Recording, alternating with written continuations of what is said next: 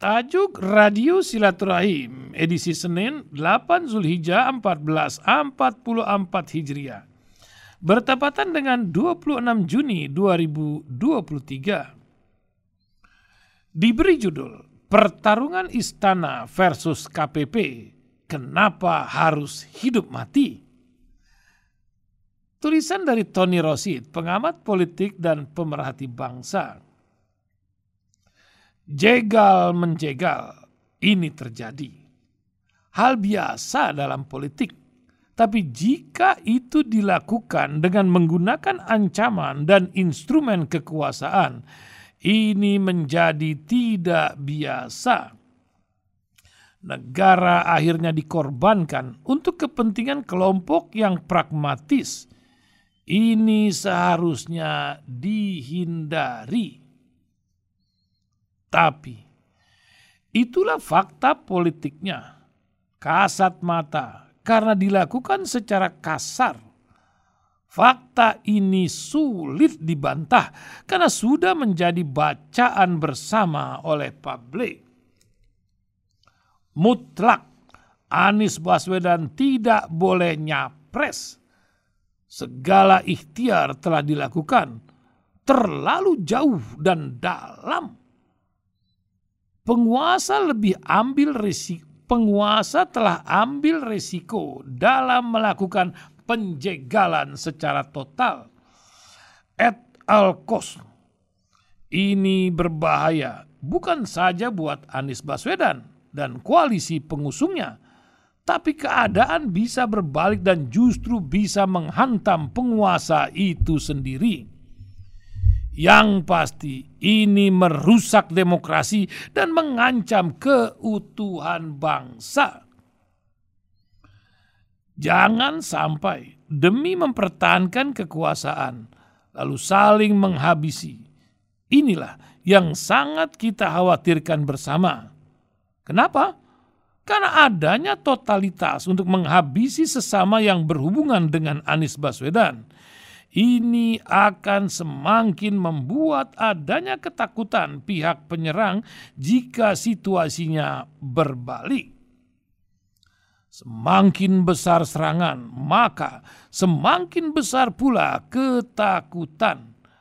Semakin besar ketakutan, ini akan mendorong untuk melakukan penyerangan yang lebih besar lagi, dan bahkan semakin tidak masuk akal.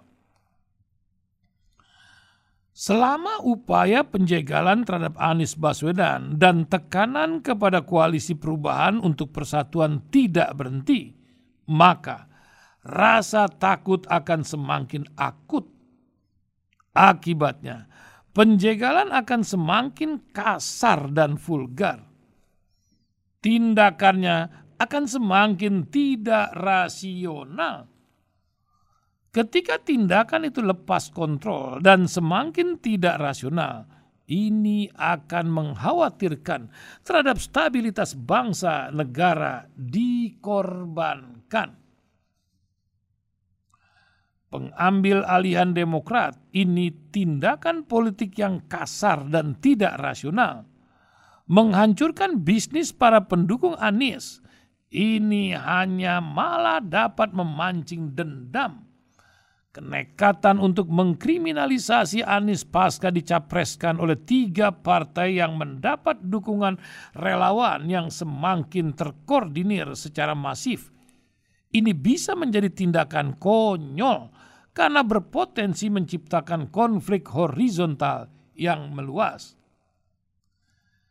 Tindakan irasional yang berpotensi yang potensial dilakukan oleh penguasa semakin mengkhawatirkan bertahannya stabilitas negara ini ke depan.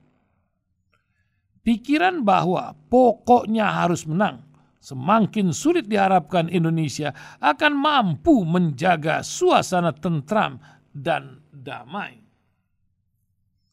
Tapi, jika ada pihak yang tidak memberi opsi kalah, artinya tidak bisa menerima kekalahan sehingga berupaya at all cost melakukan penjegalan. Ini akan menjadi investasi sangat buruk terhadap stabilitas negara di hari depan. cara berpikir dan bertindak tidak siap kalah akan memancing kericuan dan kemarahan massa yang dahsyat. Tulisan ini mengingatkan kepada semua pihak untuk menyadari akan bahayanya sikap politik yang semakin mengabaikan aturan, moral, dan etika, sehingga lepas kendali, emosional, dan tidak lagi terkontrol.